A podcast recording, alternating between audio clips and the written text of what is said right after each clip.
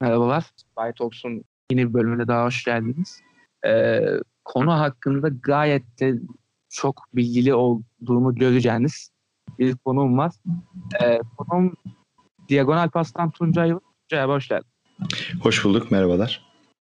Merhabalar tekrardan. Ee, ben konuyu şöyle bir açayım. Ee, beni yan sekmeden ve Muzolta'dan az çok dinleyenler varsa bu programı dinleyen ona bilir aslında. Ee, Tottenham'ı tutuyorum ben İngiltere'de ve buradan yola çıkarak bir e, Tottenham'ı, Londra futbolunu yani İngiltere'de bu futbolun lokalliğinin yani nasıl bir cami olarak işlediğini vesairesini bir konuşalım istedim. O yüzden de en doğru örneği bulduğumu düşünüyorum bu konuda. E, Tuncay abinin değerli fikirlerini alacağım. E, abi şöyle başlayalım o zaman. E, Tottenham hikayesi nasıl başladı diye başlayayım. Oradan sonrasında zaten devamını getireceğiz diye düşünüyorum. Evet. Yani uzatırsak çok uzun bir hikaye zaten o. Ee, ben aşağı yukarı 4 yılı biraz aşkın bir zamandır Londra'da yaşıyorum. Ee, o, o zamana kadar işte önce Eskişehir, üniversiteden beri de İstanbul'luk bir maceram vardı uzunca süreler. Ee, yani Eskişehir'de yani futbol geçmişim çok fazla değil. Yani giderdik maçlara ama öyle çok şey değil ama İstanbul'a geçtikten sonra çok hevesli bir şekilde futbol takipçisi oldum. Hatta İstanbul'daki işte maç takibini maç takibini de biraz yansıttığım birkaç tane şey vardır. İşte İstanbul'da statlara özellikle Eskişehirspor 2. 3. ligdeyken İstanbul'un neredeyse bütün statlarını gezmiştik. Onu da ta 2006 yılında, 2007 yılında yayınlanan Piknik'te Dömüyole'de anlatmıştık İstanbul'un statları diye. Benim e, o şeyle İstanbul'daki yıllarla birlikte statları gezme, fırsat bulduğum her zaman işte gittiğim şehirde kaldığım yerlerde işte bir şekilde fırsat bulabildiğim durumlarda maç izleme e, nasıl diyelim alışkanlığı, hastalığı ne dersek adına öyle bir şey başlamıştı. Bunu da işte yurt dışı seyahatlerinde iş seyahati olsun, işte geziler vesaireler olsun yapıyorduk elimizden geldiğince. Hatta bu işte maç olsun olmasın stadyum ziyaret etmeler falan filan derken epey bir rakama kadar ulaşmıştı bu. işte bunun da bir kültür olduğunu fark etmiştim sonra. İşte Almanlar e, ve İngilizlerde epey yaygındır. Grand Hopping, Grand Hoppers diye geçer. İşte hafta sonu özellikle Avrupa içinde seyahatte çok mümkün olduğu için basarlar bir yere giderler maç izlerler. Bu işte yedincilik maçı da olabilir. Süper Lig maçları da olabilir, Tepe Lig maçları da olabilir. Bunu da elimizden geldiğince işte İstanbul'da falan aslında yaptığımı düşünüyordum. Neyse e, bu İstanbul, e, Londra seyahatlerinde de işte fırsat buldukça maçlara gidiyordum. İlk İngiltere'deki maçım da 2004 yılında Manchester United Fenerbahçe Şampiyonlar Ligi maçıydı. Talihsiz bir 6-2 ile biten maçtı ama benim için süper bir deneyimdi. Bir gün sonrasında da Chelsea Porto ma- maçı vardı. Mourinho'nun Chelsea'ye geçtikten sonra ilk kez eski takımına karşı oynadığı Şampiyonlar Ligi maçı onu da izleyebilmiştim. O ilk seyahatte iki maç benim zaten ağzımın suyunu akıtmıştı. Ondan sonra da fırsat buldukça İngiltere'ye gidişlerimde maçları izlemiştim. 2016'da e, bütün ailemle birlikte buraya taşındım. Geldikten sonra işte bir yıl aslında birazcık kendi içimde ya hani biraz West Ham'ı tutuyordum 2000'li yılların başında çünkü çok e, iyi bir akademileri vardı. Çok iyi oyuncular yetiştiriyordu ama sonra o gelen paralarla yaptıkları işler çok canımı sıkmaya başlamıştı. Çok şey olarak tabii ki e, hani böyle taraftar Hani bir, bir mantaliteyi seviyordun. Onu bozdukları andan itibaren soğudum. Bir de West Ham'ın stadlarına, stadına gidişlerimde orada da işte eski Upton Park'ta da 2-3 maç, 2 maç izlemiştim. Ee, sonra bu yeni statlarında da sonrasında maç izledim ama çok nasıl diyelim içine çekmedi beni. O yüzden West Ham'a aslında biraz mesafeli olarak Londra'ya taşındım. Bir yıla da kendime hedef olarak koydum. İşte gidebildiğim kadar maça gideyim. Yılın sonunda karar vereyim. Bu kez doğru seçim yapmaya çalışalım ki canımız sıkılmasın. Bir de işte taşındığımda iki buçuk yaşında olan oğlum vardı. Ona da doğru bir seçim yapmasına yardımcı olalım gibi. Ee, ilk tuttuğum evde Arsenal stadına işte Emirates'e sanırım yürüyerek 5 dakika mesafede bir yerde. Canımız sıkıldığında işte oğlanla gider o stadın etrafını gezer mağaza falan gezerdik. Ee, ilk sene sanırım 16-17 tane maça gittim. İşte Arsenal'in, Chelsea'nin, Tottenham'ın, e, işte bu Londra'daki yani büyük takımlar ama onun altında işte Charlton Athletic, e, Crystal Palace vesaire yani gidebileceğim epey bir maça gittim. Ee, Arsenal yine sarmadı. Yani Arsenal'den bilet bulmak çok zor. Bunun sebeplerini de aslında biraz açabiliriz. Yani İngiltere'deki futbol kültürünü de biraz yakından tanıma imkanım oldu. Çünkü turist olarak Londra'ya geldiğiniz zaman bir şekilde maç bileti buluyorsunuz. İşte bu kara borsacılar olsun, şunlar olsun, bunlar olsun. Bir maç biletine kayıp 100 pound, 150 pound verirsen Eskiden tabii 100 pound 150 pound Türkiye için daha makul ücretlerdi. Yani 100 pound dediğin şey ben buraya taşındığımda bile pound 4 liraydı. İşte 400 liraya bir maç bileti verilebilir bir şeydi. Şu an hani 1000 lira dediğimde tüyleriniz diken diken oluyor olabilir ama e, onu da hani bir parantez olarak ekleyeyim. E, verilebilir bir şeydi tek maçlar için ama burada yaşamaya başlayınca öyle her hafta her maça 100-150 pound veremiyorsunuz tabii ki. Biletlerin erişilebilir ve kolay alınabilir olması lazım. Zaman içerisinde hani geçmiş tecrübelerimle onun da yollarını buldum. Yani Arsenal maçlarına gidişlerimin hepsi zaten hiçbirinde daha doğrusu Arsenal'den resmi bilet almadım. Çoğunluğunda eve çok yakın olduğu için maçta çok önemsiz bir maç değilse kapının önünde beklerdim. Mutlaka arkadaşı gelmeyen ve ikinci kombinesini satmayan insan, satmaya çalışan insanlar olurdu. Ortalama 30-35 pound'a 40 pound'a maç biletleri alırdım. Yani gişe fiyatından daha uyguna gelirdi. Zaten teknik olarak alma imkanım yoktu çünkü üyeler dışına bilet satmaz Arsenal. Aynı şekilde Chelsea vesaire gibi şeylerde de çok zordu bilet bulmak. Neyse hepsini böyle biraz toparlayalım. Çok geriden geldim. E, Tottenham bu tanımlamalara çok uyuyordu. Yine hala oturduğum yere çok yakındı. E, bir sonraki sene stad yıkılacağı için Wembley'e taşınma planları vardı. Bu yüzden bilet almak, kombine bilet almak mümkün hale geliyordu.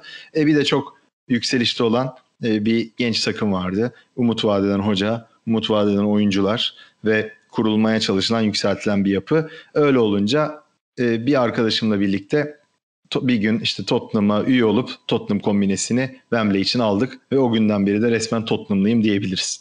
Yani öyle çok eski bir taraftar değilim. Ee, yani işte nereden baksan 3-3 sene diyebiliriz. O yüzden de aslında bu yaştan sonra taraftar olunca da tabii o duygusal bağı kurmak çok mümkün olmuyor.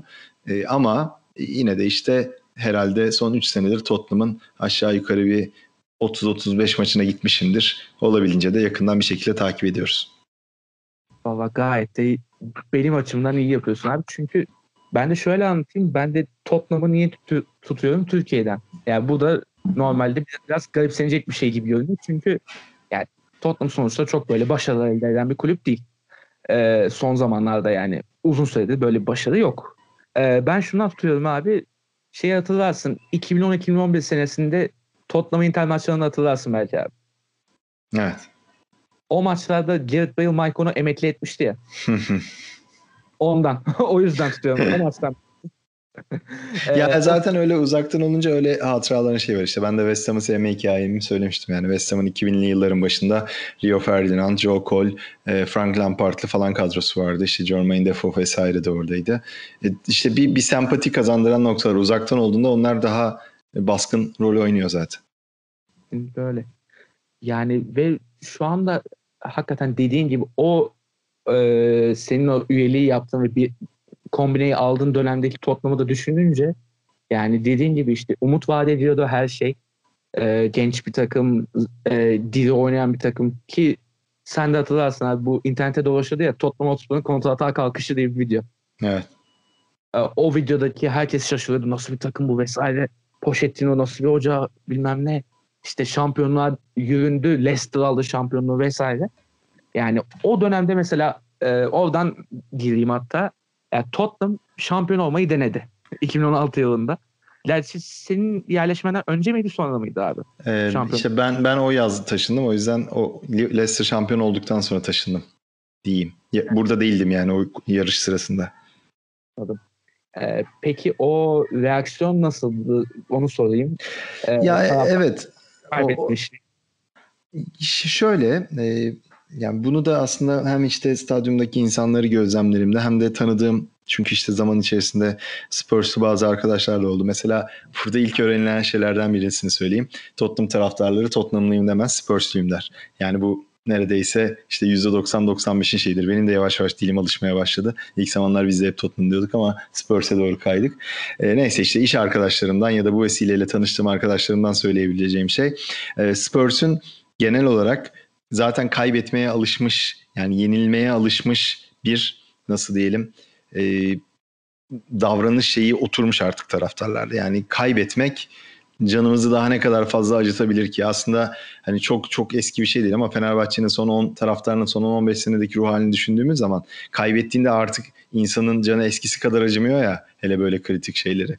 Ya onun birazcık daha abartılısını yaşamışlar. Yıllardır Premier Lig şampiyonluğu yok.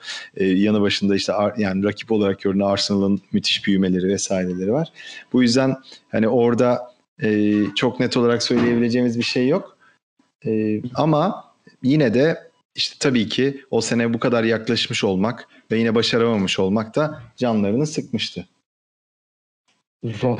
Cidden zor. Yani Ama Fenerbahçe... tabii bir de işte en azından işte yuk- ya burada şey bile var artık. Ya Arsenal'ın tepesinde olmak bile o yıllar evet. için Tottenham'da moraldi. O da bambaşka bir şey. Yani onu da farklı örneklerle değerlendirebiliriz. Ya örnek veriyorum. Tottenham şampiyonluğa o yıl Leicester'la yarışırken örnek olarak diyeyim. Eminim bundan.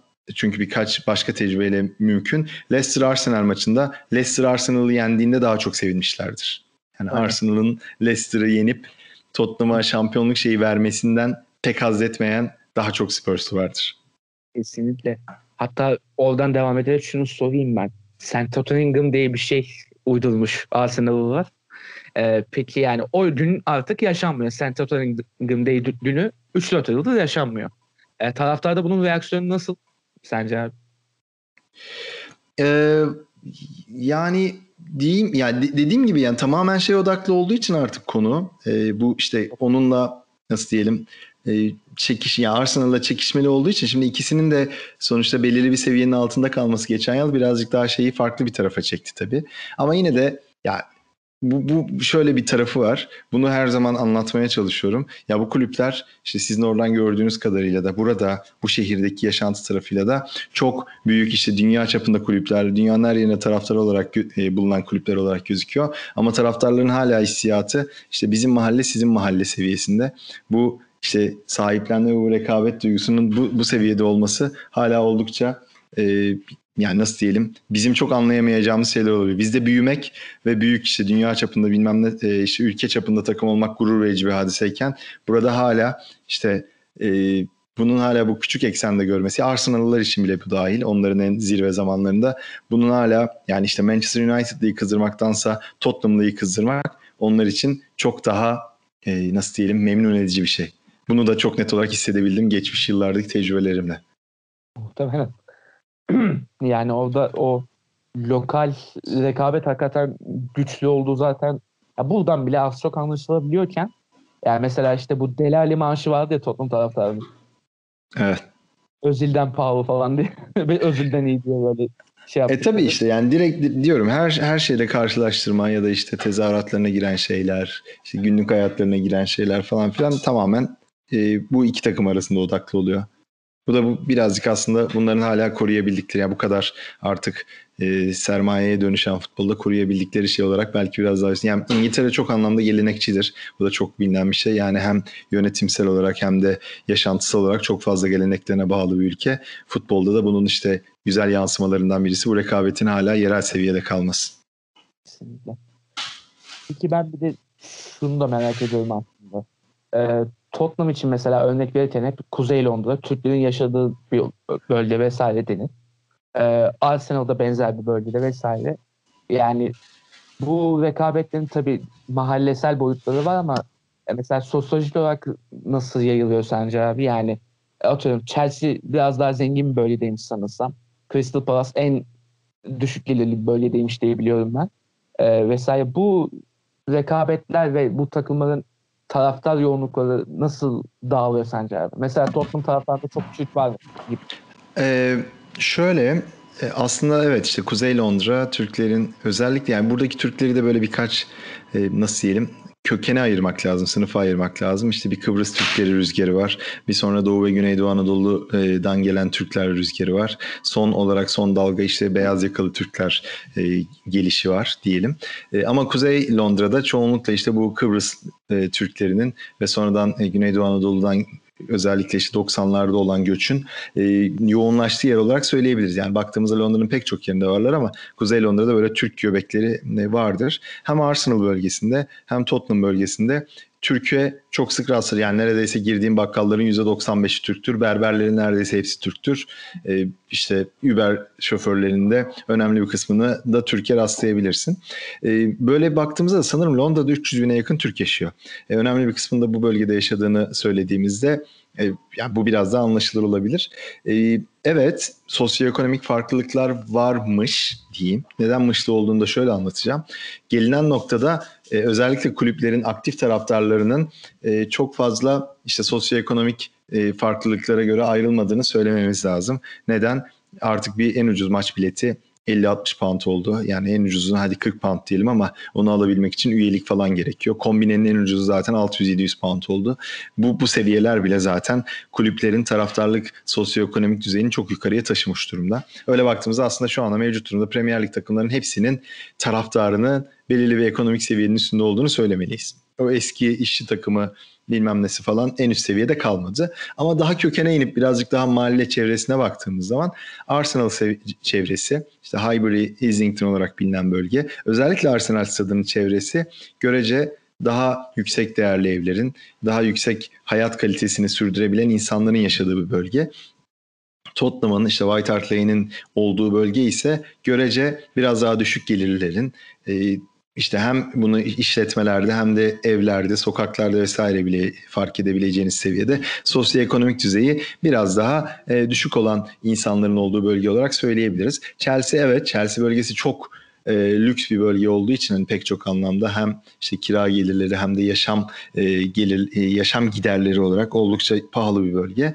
O yüzden de bir mahalle olarak en pahalısının orası olduğunu söyleyebiliriz. Ama söylediğim gibi aktif yani stadyumdaki taraftarlığa baktığımızda birbirlerinden çok farkı kalmadı. Hangi takımı tutuyor diye baktığımda benim karşılaştığım tabii ki çok genel bir şey vermek çok mümkün değil ama e, kazananı tutmayı severiz biliyorsun kültürel olarak. Zaten Türkiye'deki üç büyük hükümranlığına baktığımızda bu gözüküyor yani o kadar kulüp şehir takımı varken ben de bunun bir örneğim yani bu yüzden çok açıklıkla söyleyebilirim. Eskişehir'de büyüyen bir çocuk Fenerbahçe taraftarı oldu. İngiltere'de çok mümkün olmayan bir şey. İşte oğlumun arkadaşlarından Nottingham Forest'ı tutan var, Portsmouth'u tutan var. 7 yaşında çocuklar.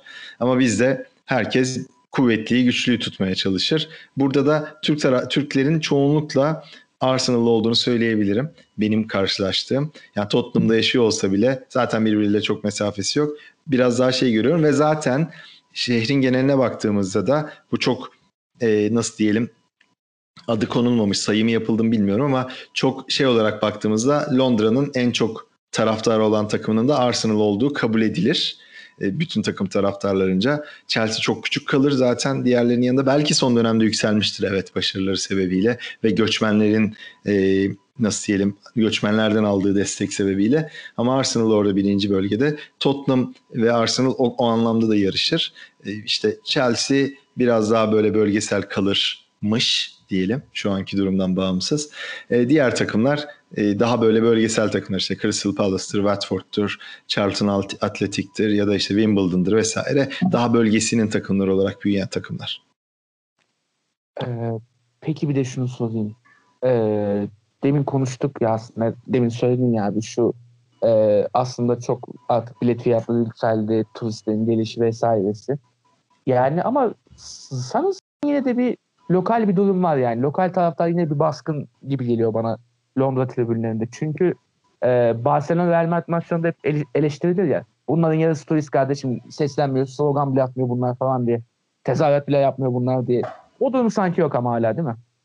E, o durum yok. O durumun olmamasının çeşitli sebepleri var. E, en önemli sebeplerinden birisi dediğim gibi insanların bilet almasının çok zor olması. Yani turistten de bilet alman çok zor. İşte kara borsa bilet bulman daha zor. E, kara borsa bileti alabilme imkanların daha zor. Ya bunun atıyorum e, pek çok şey sebebi bile var. İnsanların bileti kolaylıkla satıyor. Ya burada legal kara borsa dediğimiz yani ismi biraz şey oldu ama bu e, bilet marketleri işte reklam vermeden söyleyeyim var ya e, diğer reklam yapmadan söyleyeyim işte bu biletleri olan biletleri satabildiğiniz çeşitli platformlar var. İspanya'da, İtalya'da bilmem nerede çok fazla çalışan. Bunlar İngiltere'de yasaklı. Çoğunlukla çalışamıyorlar. Kulüplerin kendi exchange yerleri var e, sundukları. Oradan bilet alabilmeniz için bile üyelik e, olması gerekebiliyor. Yani Tottenham'a benim kombinem var gelemiyorum satacağım biletimi deyip onun parasının bir kısmını geri alıp kulübünde bunu satabilmesini sağlayabiliyorsunuz. Ama kulübe üye değilseniz o bileti bile alamayabiliyorsunuz. Ama ben Barcelona'da en son gittiğimde öyle bir maç izlemiştim. Bu sitelerin birinden Barcelona Celta Vigo maçına hatta biletin üstünde yazan fiyatın yarı fiyatına bileti alıp izleyebildim. E, çok işte yerel taraftarın rağbet göstermediğim maçtı ve bu kadar kolaydı. E öyle olunca işte El Clasico'da izledim hem Neukamp'ta hem Barnabau'da. Evet şeydi yani e, çok ciddi bir kısmı turisti çok net belli oluyordu. E, orası birazcık paraya teslim olmuş. Bu tabii ülkelerin ekonomik düzeyiyle de alakalı olabilir. E, İngiltere'deki kulüpler hala koruyorlar. Taraftarlar da biraz yine söyledim ya gelenekselcilik var. Maç kültürü oldu, ma- maça gitme diye bir kültür olduğu için yani cumartesi günü oraya gideceğim. Maçı izleyeceğim. Arkadaşlarımla birkaç biramı içeceğim kültürü olduğu için maça gidiyorlar. Hatta yani şunu söyleyeyim. E, maçı ne kadar izliyorlar kısmı bile bazı insanlar için tartışılır. Yani İngiltere'de hala bu holiganizm zamanlarından oradaki düzenlemelerden kalma hala maçı izlerken bira içme yasak. Stat içinde bira satılıyor ama biraları işte yerinize çıkan o tünelden içeriye taşıyamıyorsunuz. Bu yüzden maçı izlerken içemiyorsunuz. Bu yüzden mesela maçın 35-40. dakika arası arasında bir pozisyondan sonra olur bu çoğunlukla. İnsanların patır kütür içeri doğru koşturmaya başladığını görürsünüz. İşte devre arasında kalırsanız çünkü hem sıra olur hem de bir birayı 15 dakikada bitiremeyebilirsiniz falan. E, ama 40. dakika seviyesinde herkes içeri gider birasını içer. Maça da geri dönüşler 50. dakikayı bulabilir. E, benim de öyle bir iki gol kaçırmışlığım var hatta benzer Aha. sebeplerle. E, ya işte bu, bu onun bir parçası. Çünkü maçtan sonra da tekrar yine pub'a gidilir. Orada arkadaşlarla içmeye devam edilir. Akşamı bulur. O, o genel şeyi bozmayan hele ekonomik seviyeleri de bunu karşılayabilir düzeydeyse bozmayan bir kitle var ve bu kitle hala buradaki akışı sürdürmeye yetiyor. Bu çünkü bu ülkede gerçekten futbolu çok seviyorlar. Ya bütün taşkınlıkların, bütün kültürel farklılıkların yanında bu ülke, bu ülkedeki insanlar futbolu seviyorlar özünde. Takımlarını da elbette seviyorlar ama özdeki paydaları futbolda herkesin anlaşabileceği bir ortaklık var. Valla futbol sevgisi hakikaten yani hakikaten futbolu sevildiği gerçeği yani İngiltere'de çok belli ya. Yani e, insanlardaki o futbol sevgisini mesela e, sen de izlemişsindir abi. Sunderland belgeselinde mesela bunun net göstergesi bence yani. Oradaki taraftarların yaşadığı hüsran, duygu vesaire hep böyle bu hem taraftarlıktan hem bir futbol sevgisinden geldiği aşikar gibi geliyor bana da aynı şekilde. Yani mesela Türkiye'de biz futbol değil de dramayı seviyoruz bence. Türkiye taraftarı olarak. Yani e, kolay yoldan mutlu olmayı ve, ve işte drama tarafı tabii ki var ama herkes tabii ki sevinmeyi, mutlu olmayı, kazanmayı seviyor. Yani bu ben her her örneği verirken bunu söylüyorum. Yani sadece futbolda değil, bütün hayatın geneline bakmak lazım. Elbette iki ülkenin kültürel yaşantısı da günlük yaşantısı da birbiriyle karşılaştırabilir düzeyde değil. Tarihi de değil. Yani bambaşka şeyleri var. Yani kökenleri var. Bambaşka yaşantı e, geçmişleri var. Öyle baktığımız zaman tabii ki hani birebir aynısını beklemek mümkün değil. Ama asgari noktada ya ben genelde Türkiye'yi bu anlamda İngiltere değil de bizim kendi geçmişimize karşılaştırırım. E, kazananı tutmanın e, her zaman zaten benzer şeyler olmuştur ama özünde futbolu seven yanımızı kaybetmemiz beni daha çok üzüyor Türkiye'de. Çünkü en azından eskiden işte Ankara gücü Konya Spor maçı oynanırken de Ankara'da maç doluyormuş. Yani 80'ler 70'lerin video görüntüleri var. Eskişehirspor İstanbul deplasmanına 10 bin kişi 15 bin kişiyle gidebiliyormuş. Yani bu, bu tarafı kaybetmek beni daha çok üzen taraf ama öbür tarafta evet yani dramayı ve kazanmayı seviyor taraftarlar. Yani şampiyon takımının sıklanması Türkiye'de 60'larda da olmuş. 70'lerde 80'lerde de oldu. E böyle şeyler oluyor yani işte Türkiye Galatasaray'ın en büyük e, kahramanı Hacı ıslıklandı. Fenerbahçe'de Alex ıslıklandı. Ya böyle şeyler burada olmaz. Ama bunun anlaşılabilir sosyolojik değerlendirmeleri çıkarılabilir. Ama bizim için daha acıklı olan taraf oyunun özünde o oyunun e, geneline yani oyunun oynanışına doğru olan bağlılık giderek uzak yani giderek uzaklaşıyoruz ve zaten oyunu yönetenler de bunu tetikleyen şeyler yapıyor. Buradaki o gelenekselcilikle hala korunan tarafları var. İşte e, çok bilinmez Türkiye'de ama ben bunu yeri geldiğince işte söylüyorum. Burada hala cumartesi öğlen 3'te oynanan maçların e, TV'de yayını yasak. Bu sadece buradaki ligler için değil. Yani Barcelona Real Madrid maçı 3'te oynanıyorsa ya daha doğrusu perde şöyle 2.30'dan 5.30'a kadar İngiltere'de herhangi bir futbol müsabakasının televizyondan yayını yasak. Bu bir, bir yıl boyunca e, bu yasak kaldırıldı pandemi sebebiyle insanlar maça gidemediği için ama bunu bu sebeple Barcelona Real Madrid maçının İngiltere'de yayınlanmamışlığı var. Pek çok maçın taraftarı e, takımın taraftarı kendi takımını hala radyodan ya da BBC'deki işte Sky'deki bu bizim eskiden şey Ümit Aktan yapardı program. Haydi maça. Ha, dakika dakika maçları radyodan takip ederlerdi. Hala onunla takip ediyorlar. Diyorum ya bazı şeylerin e, bu işte bazı insanlar buna karşı da çıkıyor tabii ki. Çok gelenekçi geliyor bilmem ne geliyor. Ama ben böyle şeylerin oyunun e, nasıl diyelim bazı şeylerin korunmasından çok faydalı olduğunu düşünenlerdenim. E, insanlar çünkü maçı izlemek istiyorlarsa ya da bu anı yaşamak istiyorlarsa ya yereldeki maçlara, alt ligdeki maçlara gidiyorlar ve bu sayede insanların hala maça gitmesi destekleniyor. Ya da e, insanların işte birbirleriyle işte radyo dinlemeli ya o kültürün sürdürülmesi sağlanıyor. Ve bu da hala bir şeyleri tetikleyen, hala o maç günü heyecanını bir noktaya taşıyan bir hale geliyor. Çünkü ya oyun çok değişti tabii ki burada. Yani herkesin bu belgesellerde de işte programlarda da anlattığı hikaye budur. Eskiden Premier Lig takımlarının bile işte Everton'ın falan filan var böyle hikayeler. Maçtan sonra oyuncularla pub'da beraber bira içerlermiş ve maçın kritiğini yaparlarmış. Şimdi e, yani Premier Lig'deki her takımın kadrosunda senelik işte 5 milyon pound'un üstünde para kazanan adam var. E, tabii ki burada da her şey çok değişiyor ama yine de bu değişim içerisinde bile e, bir, bir çizgi korumayı sürdürüyorlar. Karşısında olan çok insan da var ama hani bizim gibi dışarıdan izleyen insanlar olarak tabii ki ağzımızın suyu akıyor. Kesinlikle. Yani biz de yozlaşmıştık zaten o konuda alt safhada o şüphesiz. Ee, peki ben yine Tottenham özeline döneyim o zaman yavaştan. Ee, o dönemki yine o Pochettino kadrosunu bir konuşmak istedim aslında. Yani kadro çok iyi geldi. Uzun süre hep başarılı gitti. Yani Tottenham nezdinde başarılı gitti. Şampiyonlar Ligi'nde hep katılım sağladı. Zorladı, zorladı. Oynadı. Hep üst seviyelere oynadı. 2019'da da finale oynadı. Şampiyonlar Ligi finalini gördü. Tarihin en büyük başarısı Tottenham için. Evet. Ee, sonrasında bir çözülme başladı.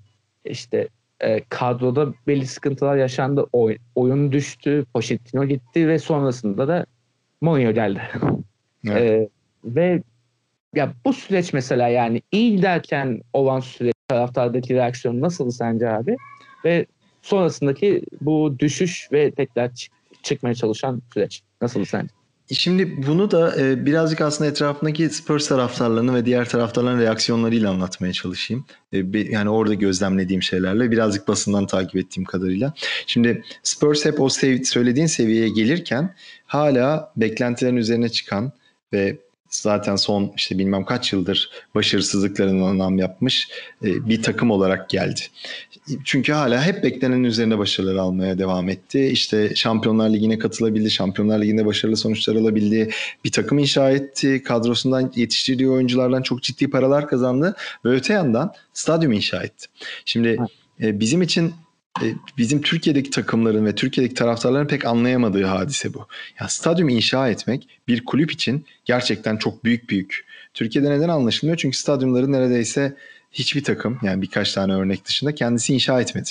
Yani hepsi devletin hediyesi. İşte devletin ya da işte sponsorlar sayesinde bir şekilde yapılıyor. Yani Fenerbahçe görece kendi inşa edenlerden birisi ama Fenerbahçe'nin bir stadını Migros yaptı. İşte Koç'la birlikte yaptılar.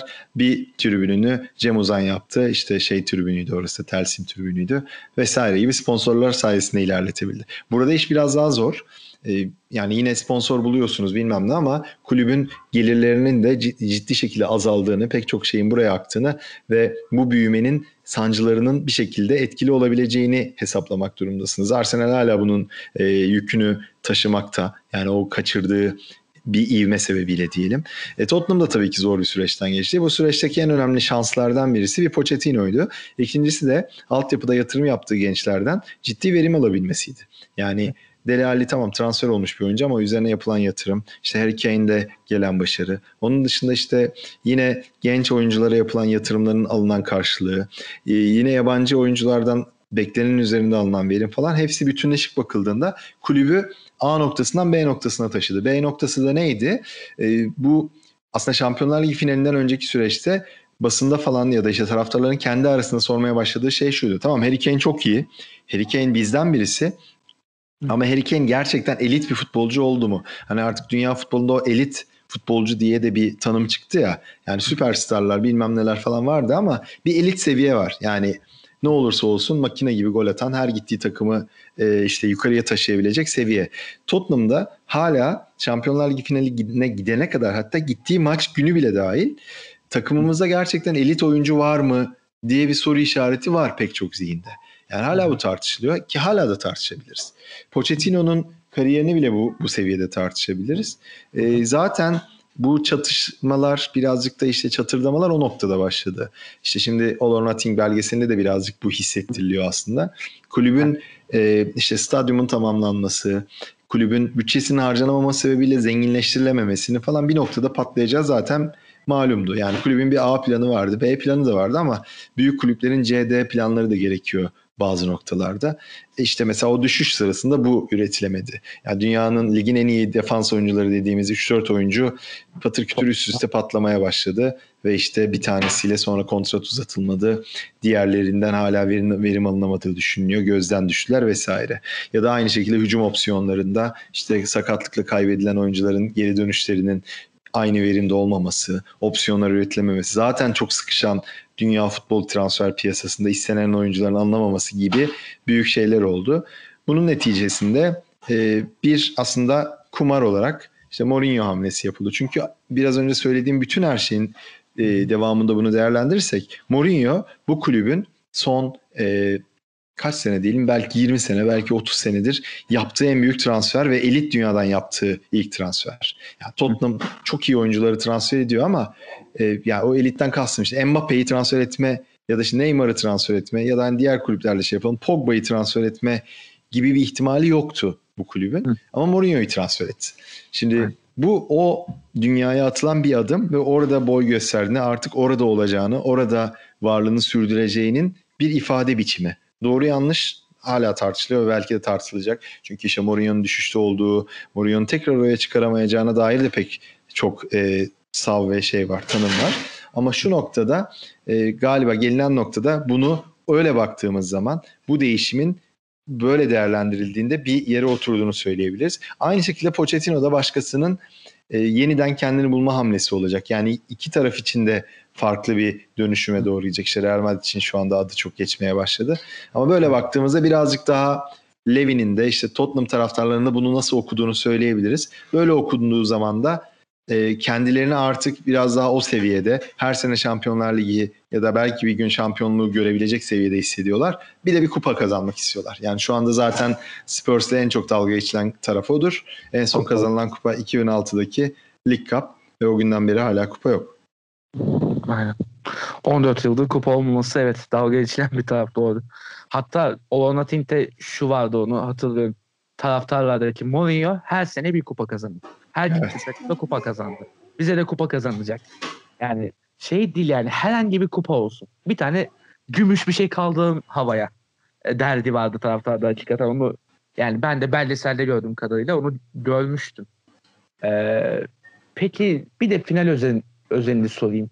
O 2019'daki süreçte tam olarak ne yaşandı taraftar nezdinde yani?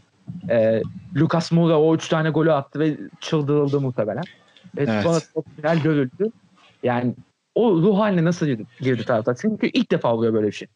Evet yani şey e, yani zaten adımların tek tek oluşuyor yani bir iki tanesini pub'da da izlemiştim yani insanların inanamayışı o hani zafer ruh hali falan çok anlatılabilecek şeyler değil. Herkesin kendi futbol geçmişinde buna benzer anları olmuştur. Onun işte bu, bu seviyesini düşünün. Final günü ise ben finali de işte yeni statta dev ekranlar kuruldu. Orada izledim.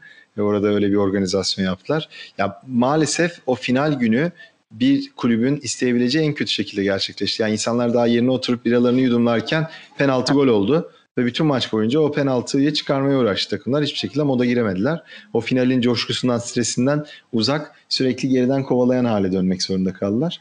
Ee, ama tabii ki bütününde işte burada ikinci de kazanandır konusu biraz daha oturmuş bir gerçek olduğu için herkesin o anlamda daha keyifli bir şekilde bunu tamamladığını ve gelecekte bunun tekrarlanabilme yollarına e, şey olduğunu söyleyebiliriz. Çünkü orada olmak da grup performansına baktığımızda orada olmak bir çok büyük başarıydı. İnanılmaz maçlar oynandı. İşte Ajax serisi, Manchester City serisi gibi. E, o, o yüzden kaybedilmenin e, şeyinden sonucundan çok oluş şekli birazcık canları sıkan şeydi. Bunu bizzat gözlemledim. İnsanlar maça motive olamadılar yani sürekli o kovalama şeklinden. Bu yüzden de birazcık tatsız sonuçlandı aslında. Evet. Yani o kısmı yani maç özelinde bayağı tatsız doğru. Yani evet. e, ben de şöyle bir şey yaşamıştım. Hatta onları da anlatayım. Final maçında arkadaşlarımı çağırdım. Tottenham finale çıktı beyler falan diye. Zaten arkadaşların nezdinde de tabii Türkiye'de olduğumuz için Tottenham'ı niye tutuyor lan bu falan diyorlar. Ee, daha oturduğumuz gibi bir de o gün Ramazan'da arkadaşlarla iftar yemeği yaptık. Yedik içtik vesaire oturduk maça. Dakika bir gol oldu. Direkt dalga geçmeye başladılar. O tatsız olmuştu. Ee, şunu hatırlıyorum. Ajax eşleşmesinde ben işteydim. Ee, ilk yarı işte izledim. Sonra işim bitti. Çıktım. Eve giderken pub'ın yanından geçtim. 2-0'dan 2-2 olmuş. 2-0'da kapatmıştım lanetlisin diye. 2-2'de direkt girdim pub'a ne oluyor lan orada diye. Lucas Moura golü atınca zaten şu oldu. Ee, Avrupa Futbol programı yapıyoruz biz abi kanalda. Ee, ve program yaptığım arkadaş da Liverpool. Liverpool Tottenham finali olduğu için hemen telefon aldık. Yarın işini gücünü hallet program yapacağız dedim. e, doğal olarak. evet tabii. Ee, son olarak da şunu soracağım abi aslında. Ee, benim merak ettiğim konulardan biri de bu. Çünkü e, Türkiye'de sosyal medyada çok hype yapan içeriklerden biriydi. Tottenham stadında her şey inovatif, çok iyi bir stat. Birayı kendi dolduruyor bardak abi vesaire de böyle bir herkeste böyle bir merak var. Stat, e, stadın bu hakikaten iyi bir stat oluşu taraftarda nasıl bir duygu sen? Ya e, şöyle onu da bir iki şekilde der. Bir kere gerçekten stat inanılmaz bir stat. Ben de işte aşağı yukarı herhalde 50-60 tanenin üstünde stat görmüşümdür. Çok büyük stadyumları da gördüm. E, buna işte o elit statların dediğimiz pek çoğu da dahil. E, Tottenham stadı başka bir seviyede. Benim hayatımda gördüğüm en güzel stat. E, çok fazla Amerikan esintileri olduğu söyleniyor. Amerika'daki statları gören insanlar tarafından. Bilmiyorum Amerika'da hiçbir stat görmediğim için. Ama zaten oradaki ortaklık vesaire sebebiyle NFL maçları falan da oynanıyor. Taraftar ortaya merkeze alınarak ve taraftarların sadece maç saati değil maçtan daha fazlasını orada geçirebileceklerine dönük bir şey inşa edilmiş. İşte bir gol çizgisi uzunluğu kadar bir bar var mesela kale arkasının altında. Yan yana bilmem kaç tane işte çeşmesi olan işte biraların satılabildiği. Ondan sonra içeride çok fazla yiyecek içecek alanları var. İnsanların izleyebileceği işte maçı ve maçtan sonrası kalabileceği yerler var. Buna dair yapılabilecek her şey en üst düzeyde yapılmış. E böyle olunca zaten oraya giden taraftarların hepsi müthiş bir şekilde mutlu oluyorlar. Çünkü diyorum işte maç günü deneyimini zirveye taşıyan bir şey. Oradaki en önemli sorunlardan birisi maalesef artık bazı taraftarlar o maça bile gidemiyor. Çünkü bilet alamıyorlar ya da işte paraları yetmiyor bilmem ne. Ama ekonomik seviyeleri onu karşılayan ve orada oynayabilecek, e, oradaki maça katılabilecek insanlar gidiyorlar ve gittiklerinde de müthiş bir deneyim yaşıyorlar. Kulüp de bunu birazcık artırabilmek ve orada en azından herkesin deneyim yaşayabilmesi adına bazı küçük e, jestler yapıyor. Geçen yıl Tottenham Arsenal kadınlar e, futbol, kadınlar ligi futbol maçı orada oynandı. Çok uygun fiyata tutuldu biletler ve 40 bin kişi vardı sanırım stadyumda. Bu sayede pek çok stadı görmeyen insan görebilme imkanı e, imkanına kavuştu. E, bunun gibi işte Under e, 23 takımının maçları vesaire de oynatılıyor. E, bu şekilde şeylerle taraftarın o deneyimi daha çok yaşamasına imkan sunuyor ama taraftarlar gurur duyuyor. Hani o tarafına gelirsek bütün taraftarların gurur duyduğu kendi ekonomik güçleriyle stadın yerini değiştirmeden e, bunu yapabilmek tabii ki gurur verici bir şey. Hem stadyum gelirleri arttı hem kulübün e, başarısı başka bir seviyeye geldi. Tabii işte bunu yaşayabilecek şey olmadı maalesef. 6-7 aydır stadyum yine kullanılamayacak durumda. Çünkü bu yaz için çok fazla plan vardı. İşte NFL maçları, konserler vesaireler. Ama kulübü o yine biraz önce söylediğim seviyeye getirmesi açısından e, inanılmaz derece mutluluk verici bir şey. Kesinlikle öyle. Ee, son olarak aslında bir soru daha geldi aklıma. Onu da ekstradan sorayım abi. Ee, çünkü Tottenham deyince akla son yıllarda transfer yapılmaya dönemler geliyor. Tabii ki de bunun en büyük nedeni stadyum. E, onu zaten tartışamayız. Ama e, Daniel Levy'nin de çok cimri bir insan olduğuna dair bir öngörü var. Yani Daniel Levy sence nasıl görülüyor taraftarda? E, ya bu, da evet var. Şimdi ama en son bu seneki transferlerle söylenen bir şey ya. Bu bütçeler Pochettino hocamıza niye verilmedi diyen de bir kesim var. İşte Mourinho muhtemelen bir şeyleri alarak geldi. E, öyle ama e, diyorum Türkiye'deki gibi yürümüyor işler. Yani insanlar burayı da bir şirketi yönetir gibi biraz uzun vadeli düşünmek zorunda hissederek yapıyorlar. Yani fazla açıldığında çünkü burada e, maalesef o düşüşler çok şey gibi olmuyor. Türkiye'deki gibi olmuyor. Düşenler gerçekten kötü düşüyorlar. Kapanan kulüpler var. İşte Baltimore Wanderers'ı hatırlarız. Ne transferler yapıyordu. Şu anda dibin dibine doğru yollanıyorlar. İşte Portsmouth aynı şeyleri yaşadı. Pek çok kulüp buna benzer şeyleri yaşadı. Ee, yani olayın çok ekonomisine hakim olmadığım için tabii doğru mu yanlış mı yorumunu yapacak kişi ben değilim. Ama taraftarlar gözünde e, tabii ki cimriliğine vurulan var. Diğer takımlarda olduğu gibi. Ama gelinen noktada e, en en çok eleştiri şu anda işte Mourinho'ya yapıyorsunuz da diğerine neden yapmadınız kısmında bir şey var.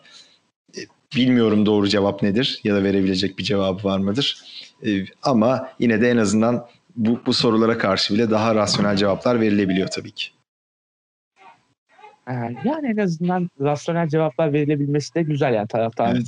bunu düşünebilmesi de güzel. Ta- tabii ama şunu da düşünmemek elde değil tabii. Ee, taraftar gözünden bakınca yani Pochettino'ya vermediniz, Mourinho'ya verdiniz diye. Bu şeyi hatırlarsın abi Fenerbahçe'den.